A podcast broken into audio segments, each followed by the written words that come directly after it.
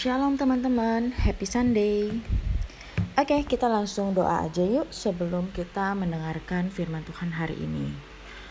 Tuhan terima kasih untuk berkat dan pemeliharaanmu karena kami boleh ada sebagaimana kami ada hari ini. Biarlah dengan hidup kami, kami boleh memuliakan namamu. Tuntun kami Tuhan melalui firmanmu hari ini dan ajar kami untuk mengerti isi hatimu dan biarlah engkau boleh menerangi jalan kami. Amin. Oke, hari ini aku dapat tema doa. Nah, sebagai orang yang beragama dan sebagai orang yang hidup di negara yang mengakui agama, kita pasti sering banget ya dengar kata doa.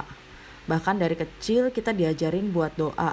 Pas baru bangun tidur, sebelum makan, sebelum masuk sekolah, sebelum tidur, waktu ada masalah dan ya pokoknya kalau bisa setiap langkah kita diiringi doa lah gitu. Nah, kalian ada yang tahu nggak sih doa itu apa sebenarnya? Nah, ada yang pernah bilang nih kalau doa itu adalah nafas hidup orang percaya. Nah, seperti orang manusia hidup seperti normalnya, kalau kita nggak bernafas maka kita akan mati. Nah, sama juga nih, kalau kita nggak berdoa maka kerohanian kita yang akan mati. Nah, sebenarnya simpelnya ya, kayak kalau tadi nafas-nafas itu kayak berat banget gitu kan. Tapi simpelnya doa itu adalah komunikasi dua arah antara kita dan Tuhan. Namanya komunikasi harus dua arah ya. Bukan kita ngomong terus tapi kita nggak mau dengerin. Tapi ya memang namanya komunikasi itu harus dua arah. Kita ngomong dan kita mengizinkan Tuhan untuk ngomong juga. Dan kita dengerin apa yang Tuhan mau sampaikan kepada kita nah caranya Tuhan ngomong sama kita tuh gimana sih? Banyak cara ya teman-teman. Bisa dari firman bisa dari teguran orang tua bisa juga waktu kita doa seperti ada yang berbicara dari hati kita. Nah mungkin nggak semuanya itu bisa mendengar suara Tuhan secara audible. Tapi percaya deh semakin sering kita komunikasi sama Tuhan maka telinga kita akan semakin peka untuk mendengar suaranya. Nah ayo kita lihat kebenaran firman Tuhan mengenai doa kita buka kitab kita dari Matius 6 ayat 5 sampai 15. Judul perikop dari Matius 6 ayat 5 adalah hal berdoa. Yuk kita langsung baca. Matius 6 kita baca dulu ayat 5 sampai 6. Hal berdoa. Dan apabila kamu berdoa, janganlah berdoa seperti orang munafik mereka suka mengucapkan doanya dengan berdiri dalam rumah-rumah ibadat dan pada tikungan-tikungan jalan raya supaya mereka dilihat orang. Aku berkata kepadamu, sesungguhnya mereka sudah mendapat upahnya. Tetapi jika engkau berdoa, masuklah ke dalam kamarmu, tutuplah pintu dan berdoalah kepada Bapamu yang ada di tempat tersembunyi. Maka Bapamu yang melihat yang tersembunyi akan membalasnya kepadamu. Nah teman-teman mungkin ada beberapa yang bingung kok bisa sih orang doa di tikungan-tikungan jalan raya ya. Nah, jadi di Israel itu bangsa Yahudi punya jam berdoa seperti teman-teman muslim kita. Mereka itu jam doanya tiga kali sehari. Jadi kalau udah waktunya doa nih, nggak peduli di mana pun mereka berada, mereka harus berhenti dan mereka harus berdoa di tempat itu waktu itu juga. Nah, tapi uh, waktu itu di zaman di zaman yang diceritakan oleh Matius ini uh, banyak dari mereka itu yang sengaja keluar rumah deket-deket jam doa. Jadi pas jam doanya udah datang, mereka itu langsung berhenti dan mereka berdoa. Jadi orang-orang bisa ngelihat kalau mereka adalah orang yang saleh, orang yang selalu berdoa gitu. Nah, nah teman-teman jangan salah paham nih. Nanti kalau misalnya disuruh doa di gereja, semuanya malah kabur pulang ke rumah masing-masing lagi dan bilang kalau lo tadi kata Kak Gladys kalau doa mesti di kamar, nggak boleh di tempat uh, apa ya namanya di tikungan-tikungan atau di tempat yang orang banyak lihat. Nah sebenarnya nggak gitu juga teman-teman. Kita doa ya sesuai tempatnya aja. Kayak contoh nih ya. Karena kan doa eh, itu kan komunikasi kan. Kita kayak gambarinnya kayak kita komunikasi sama teman atau sama orang tua lah. Kalau kita lagi ngobrol sama teman di sekolah, ya biasanya kita ngobrolnya hal-hal yang enteng atau yang ya serius-serius dikit lah gitu tapi kalau kita punya masalah yang berat banget nih biasanya kan kita cari tempat buat uh, bisa ngobrol lebih leluasa ya.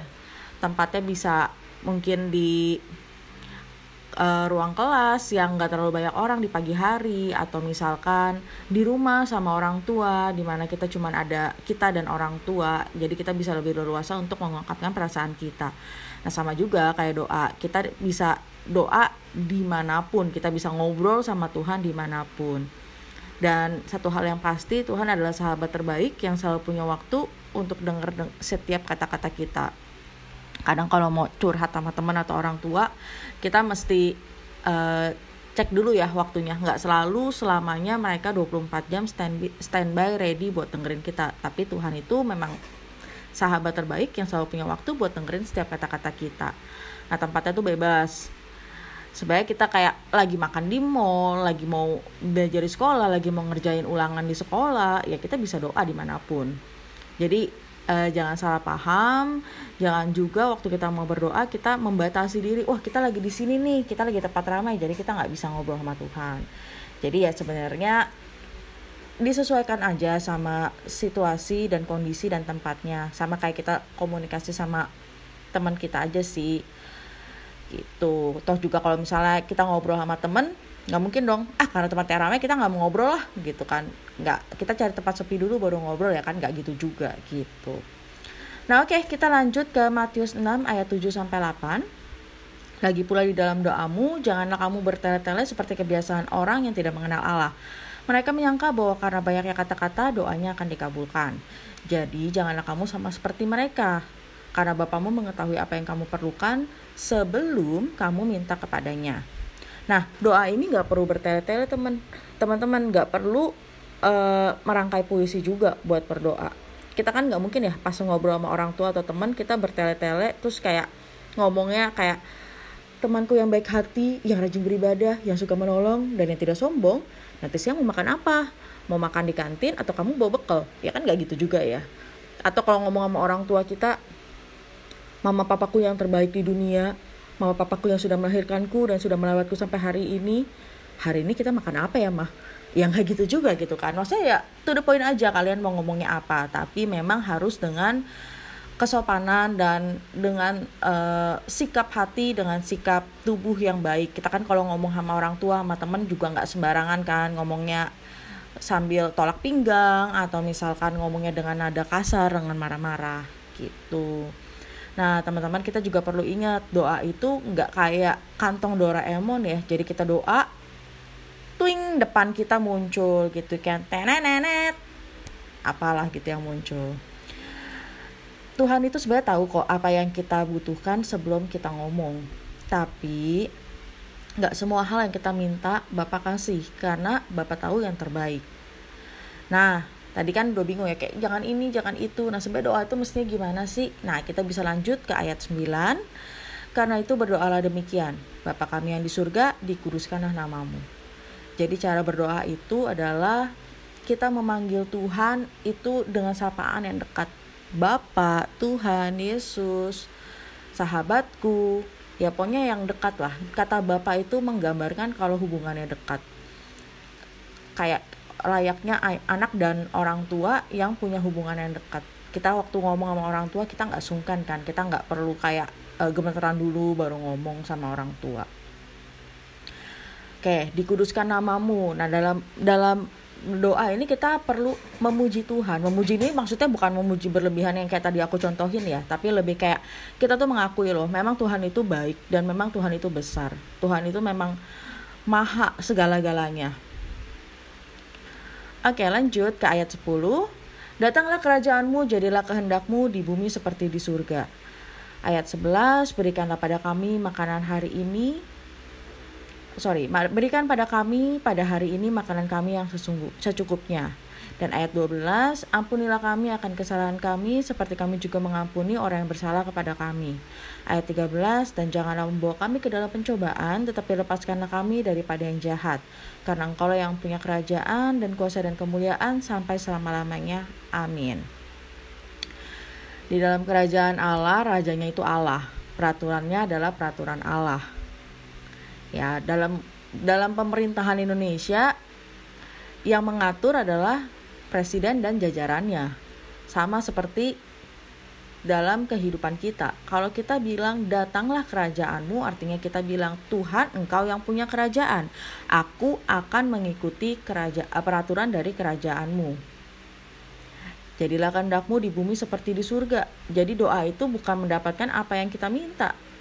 Tapi kita doa supaya kita bisa fokus sama kemauan Tuhan. Setiap dari kita pasti ada master plan yang Tuhan udah siapin buat hidup kita Nah, kadang-kadang kita nggak tahu kan untuk apa kita diciptakan di dunia ini. Maka itu kita perlu berdoa, kita perlu berkomunikasi, kita perlu tanya sama Tuhan, apa sih sebenarnya Tuhan yang mau Tuhan yang mau Tuhan yang Tuhan mau kita lakukan dalam kehidupan kita ini gitu dan doa itu bukan untuk memaksakan kehendak kita bukan juga buat kontrol arah doa itu adalah ekspresi bahwa kita emang nggak mampu dan kita minta pertolongan Tuhan di setiap bagian kecil di kehidupan kita kayak contohnya makanan, pengampunan, kelepasan dari pencobaan.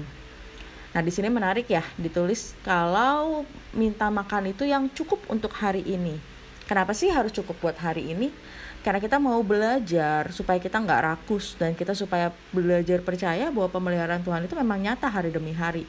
Nggak seperti orang ketakutan kayak aduh Tuhan minta buat setahun ke depan deh karena kayaknya nggak yakin nih Tuhan bakalan mm, kabulin doa kita lagi besok.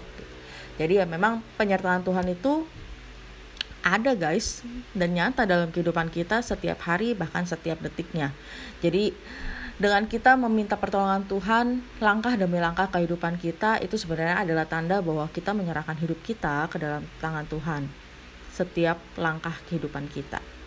Oke lanjut uh, dari perikop hal berdoa ini ternyata masih dilanjutin lagi nih dengan ayat 14 dan 15. Ayat 14, karena jikalau kamu mengampuni kesalahan orang, Bapamu yang di surga akan mengampuni kamu juga. Tetapi jikalau kamu tidak mengampuni orang, Bapamu juga tidak akan mengampuni kesalahanmu. Nah ingat nih, doa juga perlu tindakan. Gak bisa kita doa doang, kita nggak kerja, terus tiba-tiba apa yang kita doakan akan terwujud. Seandainya itu menjadi hak kita pun, tanpa kita berusaha eh juga nggak akan terwujud nah sebaik kita ini juga perlu menyadari ya kita itu tadinya adalah manusia yang berdosa yang Tuhan telah ampuni kita udah dilayakin untuk menjadi anak Tuhan. Kita dilayakan juga untuk mendekat sama Tuhan dan kita dilayakan juga untuk membuat permohonan sama Tuhan. Jadi adalah hal yang wajar kalau kita juga harus mengampuni orang yang bersalah sama kita. Nah, maksud dari ayat 15 itu bukan kayak Tuhan tuh kayak anak kecil ya kasih nggak kalau nggak kasih gue juga nggak kasih mainan gue gitu nggak kayak gitu juga tapi maksudnya lebih ke arah kayak gini kalau kita nggak bisa ngampunin orang yang bersalah sama kita artinya kita belum mengalami atau menerima pengampunan Tuhan yang membatasi kita dari Tuhan itu adalah dosa kita yang ya ada lagu zaman dulu yang bilang kayak engkau hanya sejauh doa tapi doa itu akan terhambat kalau kita masih menyimpan dosa. Salah satu dosa itu adalah kebencian. Nah guys gini, kita nggak mungkin memberi apa yang kita nggak punya. Kalau aku punya waktu, aku bisa memberi waktu aku ke siapa pun yang aku mau beri.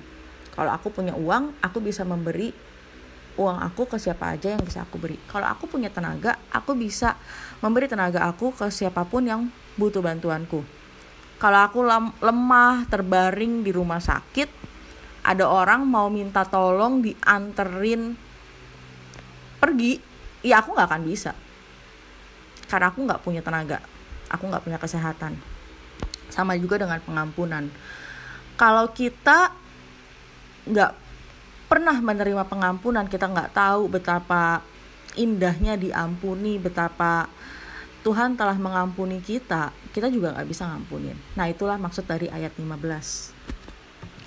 Gitu teman-teman. Oke, sekian sharingku hari ini. Jangan jemu-jemu untuk berdoa karena ingat doa adalah nafas hidup orang percaya. Dan asahlah kepekaan kita untuk mendengar suara Tuhan supaya komunikasi kita bukan komunikasi satu arah tapi bisa jadi komunikasi dua arah dengan Tuhan. Karena Tuhan rindu sebenarnya berkomunikasi dengan kita setiap waktu. Nggak cuman sebelum tidur, nggak cuman sebelum makan, nggak cuman waktu kita ada masalah. Oke, okay, happy Sunday guys. God bless you